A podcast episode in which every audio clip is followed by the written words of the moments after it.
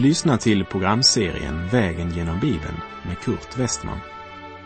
Programmet sänds av Transworld Radio och produceras av Norea Radio Sverige. Vi befinner oss nu i Mika. Slå gärna upp din bibel och följ med. Vi avslutade förra programmet med verserna 6 och 7 i profeten Mika boks andra kapitel. Där Herren påminde sitt folk om att de önskade att profeterna skulle sluta predika. Sluta predika, så predikar det. Om sådant får man inte predika. Ska aldrig smädelserna ta slut? Är det så du talar, du Jakobs hus? Har Herrens ande varit otålig? Har hans gärningar visat något sådant? Är inte mina ord goda mot dem som lever rättfärdigt? Det folk som inte önskade lyssna till Herrens budskap, de blev bönhörda. För det kom en tid som så att säga stängde kranen för profetians ande. Eftersom folket ändå inte lyssnade så lät Herren det komma en andlig hungersnöd. Guds ord blev sällsynt, en verklig bristvara. Ja, inte så att ingen längre predikade, för det gjorde de. Den religiösa aktivitetsnivån var hög och det som förkunnade sitt eget hjärtas rådslut, de var både många, högröstade och kaxiga. Det är stor skillnad på frimodighet och att vara kaxig. Och deras budskap var att när Gud säger att han ska straffa synden, då är Gud ond. Budskapet som de sanna profeterna bar fram, det kallade man för smädelser och önskade att den sortens budskap skulle ta slut. Då frågar Herren dem rakt ut. Är då inte mina ord goda mot den som lever rättfärdigt? Även om budskapet var allvarligt och dömde synden så blev det mottaget av dem som önskade leva i Guds gemenskap. Och de var också lydiga mot det som blev förkunnat. Vi läser Mika kapitel 2, vers 8. Men sedan en tid har mitt folk rest sig upp som en fiende. Ni sliter manteln av dem som går trygga på vägen och inte vill veta av någon strid. Det folk som förkastar Gud faller offer för sin egen ondska. Det blir politisk anarki, kriminaliteten blomstrar. Ni kallar er för Guds folk men är i verkligheten Guds fiender. Och det stadfästs genom ert sätt att behandla de fattiga och svaga i samhället. Gud kräver alltid rättfärdig behandling av de fattiga. Och hans anklagan är följande. Ni sliter manteln av dem som går trygga på vägen. Manteln, det var ju plagget som man bland annat svepte omkring sig när man la sig till vila för natten. Det vill säga, de var redo att till och med beröva honom hans säng. Så långt var de redo att gå när det gällde att röva från de fattiga. Vi läser Mika kapitel 2, vers 9. Mitt folks kvinnor driver ni ut från det hem där de hade sin glädje. Från deras barn tar ni min härlighet för alltid. Egoismen och självlivet hade blivit ledstjärnan i Juda. Girigheten präglade allt. Brutaliteten och våldet hade inga gränser. Och det var ingen som reagerade längre det var ju bara så det var. Den fruktansvärda situationen betraktades som något normalt. Männen varken ärade eller älskade sina hustrur. Kärnfamiljen, som var en av Herrens hjärtesaker, värderades mycket lågt. Familjer splittrades. Änkor och faderlösa drevs från hus och hem. Huset änkan hade ärvt efter mannen blev hon fråntagen. Guds lag blev nonchalerad. Girighet, profit, njutning och tidsfördriv var det dominerande. Därmed berövades barnen Herrens närvaro i hemmet. De berövades Herrens härlighet. Man skapade en livssituation där kvinnan inte respekterades för sin insats i hemmet. Hon sattes i en situation där hon bara önskade sig bort från ansvaret för barnen för hon var ensam om ansvaret. Det som under Herrens välsignelse skulle ha varit hennes lust, det blev en föraktlig uppgift. Kvinnorna drevs ut från det hem där de hade sin glädje. Även de små barnen berövades det de hade fått av Herren. Och de växte upp fulla av uppror. Barnen hade inte längre några faders förebilder. Ingen trygghet, värme eller omsorg. Det gällde att slåss för sig själv. Eh, man måste ta för sig allt man kunde om man ville överleva och behålla sin mantel. När man läser de här raderna så skulle man ju tro att profeten Mika levde i Sverige på 2000-talet.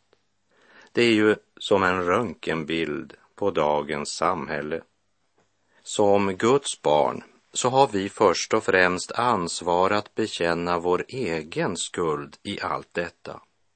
Vi har stått allt för tysta och passiva medan det växt fram en så kallad kultur som inte är något annat än ett avfall från Herren. Bibelns Gud har man avsatt och nu skördar vi frukterna. Och utan tvekan så är det barnen som lider mest.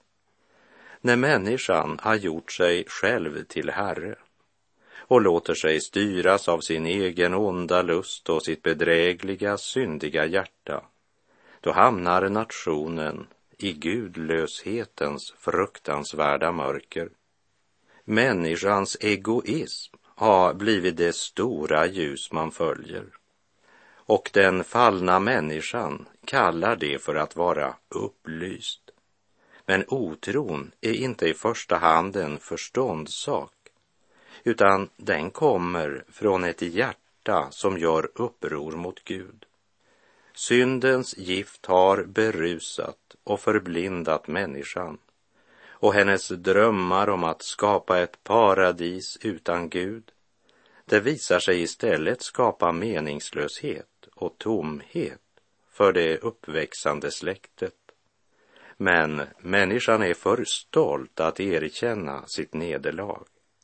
Istället väljer man att låta barnen betala priset. Från deras barn tar ni min härlighet för alltid, ropar Mika. Men Herrens profet är det ingen som vill lyssna till. Kära vän, har inte budskapet i Mika bok något att säga oss idag?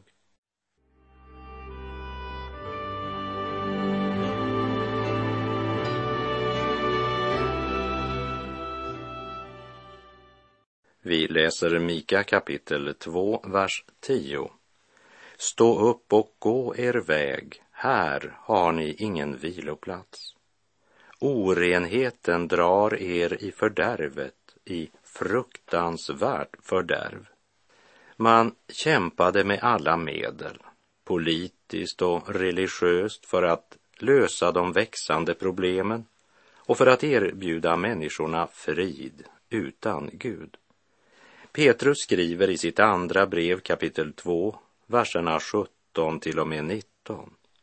Dessa människor är källor utan vatten och moln som jagas av stormvinden. Det djupa mörkret är förvarat åt dem. De talar stora och tomma ord och i sina kötsliga begär lockar det med utsvävningar till sig människor som med knapp nöd har kommit undan sådana som lever i villfarelse. Det lovar dem frihet, men är själva slavar under fördärvet. Ty det man besegras av är man slav under. I Jeremia 50, vers 6 ropar Herren. Mitt folk var förlorade får. Deras herdar förde dem vilse och lät dem irra omkring på bergen. De strövade från berg till höjd och glömde sin viloplats. Och till de troende i Efesus skriver Paulus i Efeserbrevet 4, vers 17. I Herrens namn varnar jag er därför. Lev inte längre som hedningarna. Deras tankar är tomma, deras förstånd förmörkat. De är främmande för livet i Gud därför att de är okunniga och i sina hjärtan hårda som sten. Är det något som nutidsmänniskan saknar så är det vila.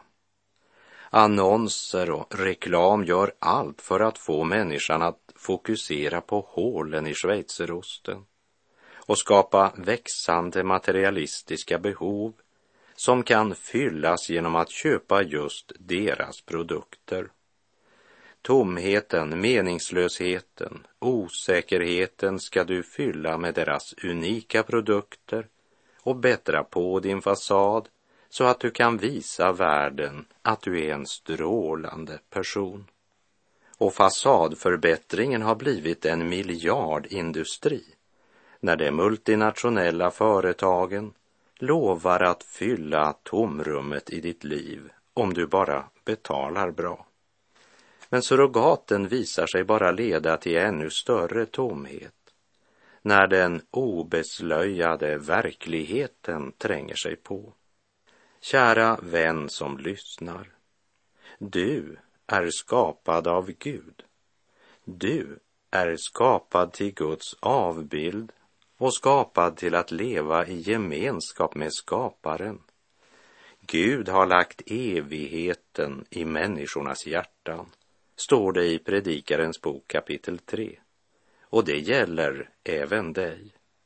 Gud har lagt evigheten i ditt hjärta och det tomrummet kan ingen annan fylla än den uppståndne Herren Jesus Kristus.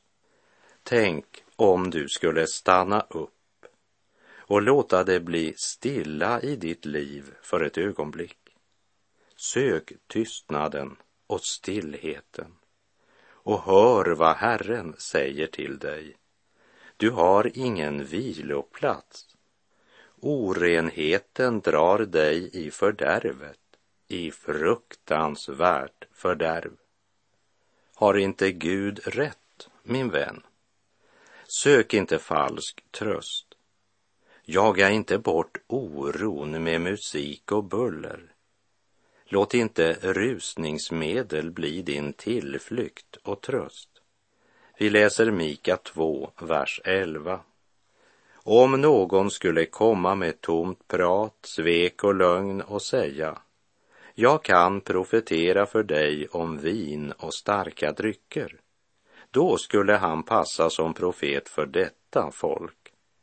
I en annan översättning står det om jag umgicks med lögn och predikade för dig hur man skulle dricka och svälja. Det vore en predikare för detta folk.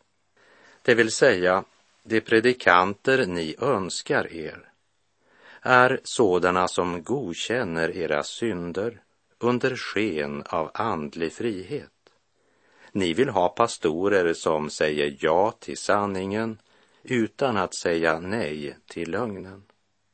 Även i våra församlingar finner vi många pastorer som ger sitt bifall till vad man kallar måttlighetsdrickande och kallar det för frihet eller social gemenskap. De påstår att vi lever i en ny tid och eftersom vi inte längre är under lagen så tillhör det vår kristna frihet. Och visst är det sant att vi lever under nåden. Men Guds ord säger tydligt att om du älskar Herren så håller du hans bud. Och dryckenskap, det är något som Gud fördömer. Men de falska profeterna på Mika tid dömde inte synden som synd och blev därför mycket populära. Man fick så att säga både Gud och världen. Två i ett, som det heter i modern schamporeklam. Berusning och utsvävningar, det är något som på ett utpräglat sätt ska känneteckna den sista tiden före Jesu återkomst. Det förstår vi av det Jesus säger i Matteus 24, verserna 37 till och med 39. Ty som det var i Noas dagar, så ska det vara vid Människosonens återkomst. Som människorna levde dagarna före floden, de åt och drack, gifte sig och blev bortgifta, ända till den dag då Noa gick in i arken. Och de visste ingenting förrän floden kom och ryckte bort dem alla. Så ska Människosonens ankomst vara. När vår Herre säger att hans ankomst ska vara som Noas tid så nämner han endast äta, dricka och gifta sig. Är det synd med mat och dryck och med äktenskap? Nej, men vad Jesus här säger, det är att människans liv och vandring på jorden blivit så påverkat av synden att ondskans makt styr och präglar även det människan tillför sin kropp. Njutning och vällust styr på ett sådant sätt att man inte bekymrar sig om man bryter ner sin hälsa, bara man får det som man vill. Tygellöshet och frosseri präglade Noas tid. Så synden på Noas tid var inte bara kriminalitet och stora våldsverk. Synden präglade hela samhällslivet, inte bara nöjestemplen. Men det har trängt igenom helt in i hemmen. Mat och dryck och äktenskap är genomsyrat av att folket förkastat Gud. Barnen mister sin trygghet. Man är upptagen av bekymmer för allt det jordiska. Hus, bil, båt, pengar, ära, makt, njutning och vällust. Och så levde man ända till den dag då Noa gick in i arken. De levde som om det inte fanns någon Gud. Och det omfattade alltså även synen på starka drycker. Och avfallet får uppenbart samma frukter idag som på Mika-tid.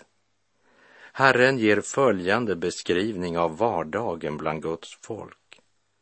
Om någon skulle komma med tomt prat, svek och lögn och säga jag kan profetera för dig om vin och starka drycker, då skulle han passa som profet för detta folk. Generationers traditioner, kyrkoståt och prästers skrot, många helger sakramenten, kör och mustigt orgelljud.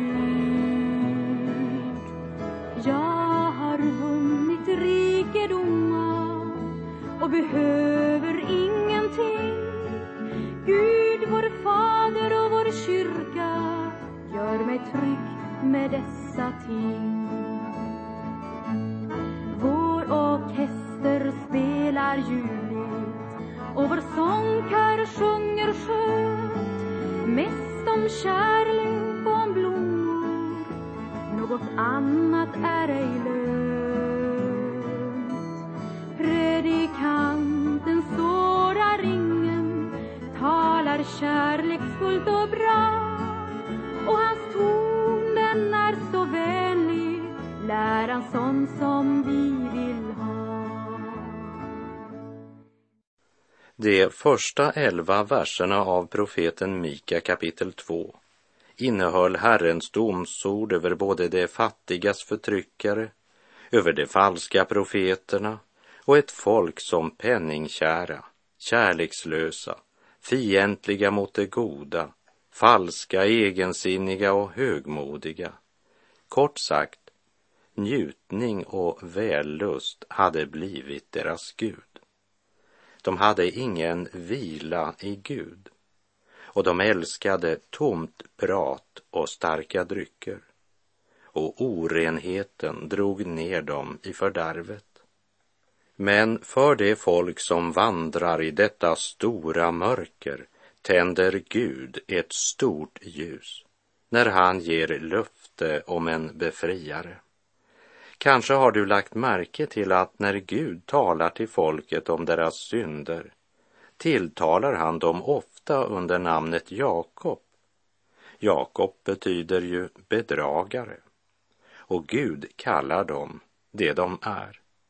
Samtidigt antyder Herren att han ska visa dem nåd om de lyssnar till hans röst. För deras rätta namn var ju Israel. Låt mig repetera några verser från vår vandring genom Första Mosebok, kapitel 32, vers 24 till 28. Och Jakob blev ensam kvar. Nu brottades en man med honom ända till dess morgonrodnaden kom. När han såg att han inte kunde övervinna Jakob slog han honom på höftleden så att höften gick ur led medan han brottades med honom. Och han sade, släpp mig ty morgonrodnaden har gått upp. Men Jakob svarade, jag släpper dig inte förrän du välsignar mig. Då sade han till honom, vad är ditt namn? Han svarade, Jakob. Då sade han, du ska inte mer heta Jakob utan Israel. Ty du har kämpat med Gud och med människor och segrat. Gud frågar Jakob vad han heter. Jakob svarar, jag är Jakob.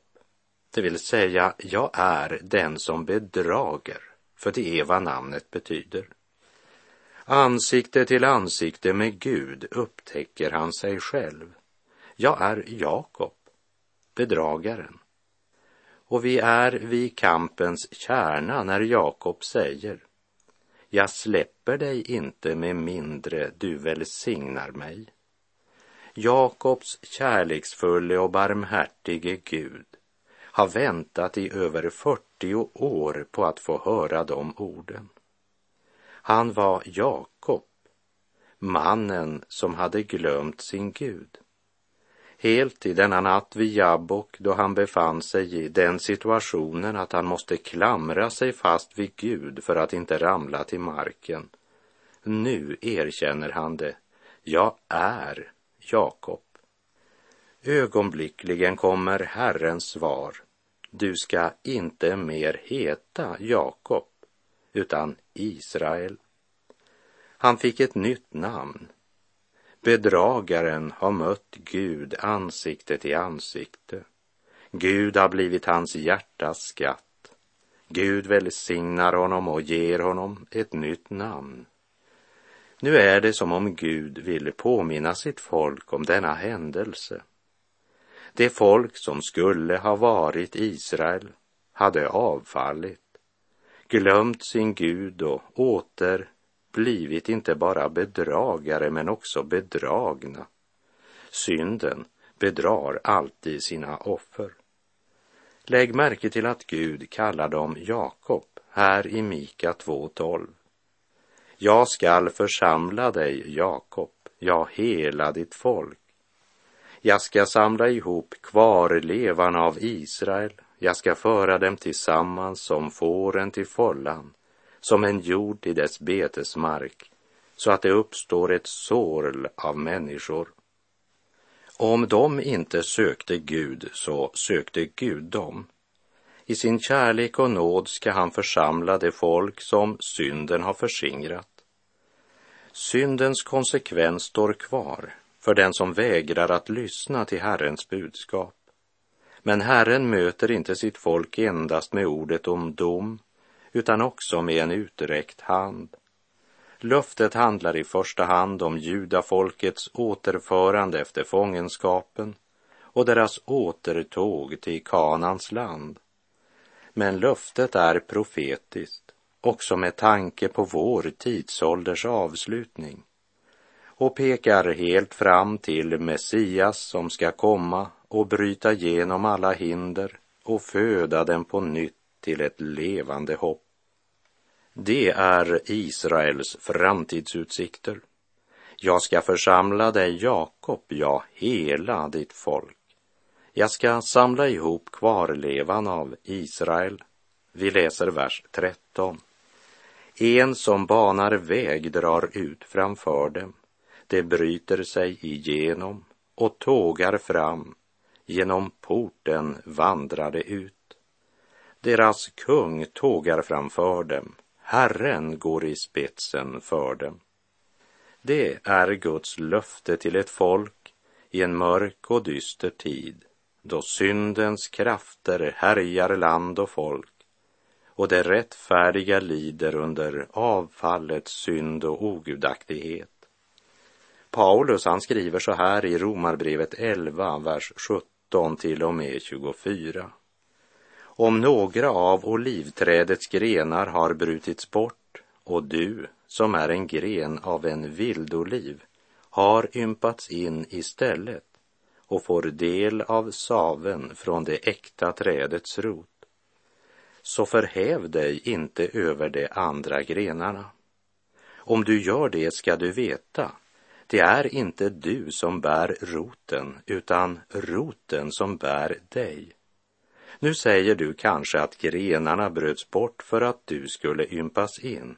Ja, visst, det bröts bort därför att de inte trodde. Men du är kvar därför att du tror. Var inte övermodig, utan ta dig i akt. Ty om Gud inte skonade de ursprungliga grenarna skall han inte heller skona dig. Du ser att Gud är både god och sträng. Sträng mot dem som fallit, god mot dig om du håller fast vid hans godhet. Annars blir också du bortskuren. De andra blir däremot inympade, såvida de inte framhärdar i sin otro. Det står i Guds makt att ympa in dem igen Ty om du skars ut ur den vildoliv som du av naturen hörde till och mot naturens ordning ympades in på ett odlat olivträd, hur mycket lättare kan då inte de äkta grenarna ympas in på sitt eget träd? Eller som Mika profeterar, det skall komma en som banar väg drar ut framför dem. Det bryter sig genom och tågar fram. Genom porten vandrar det ut. Deras kung tågar framför dem. Herren går i spetsen för dem. Och med det så är vår tid ute för den här gången. Syndens lön är döden, men Guds gåva är evigt liv i Kristus Jesus vår Herre. Herren vare med dig, må hans välsignelse vila över dig. Gud är god. Du har lyssnat till programserien Vägen genom Bibeln med Kurt Westman som sänds av Transworld Radio. Programserien är producerad av Norea Radio Sverige. Om du önskar mer information om vårt radiomissionsarbete så skriv till Norea Radio Sverige, box 3419 103 68 Stockholm.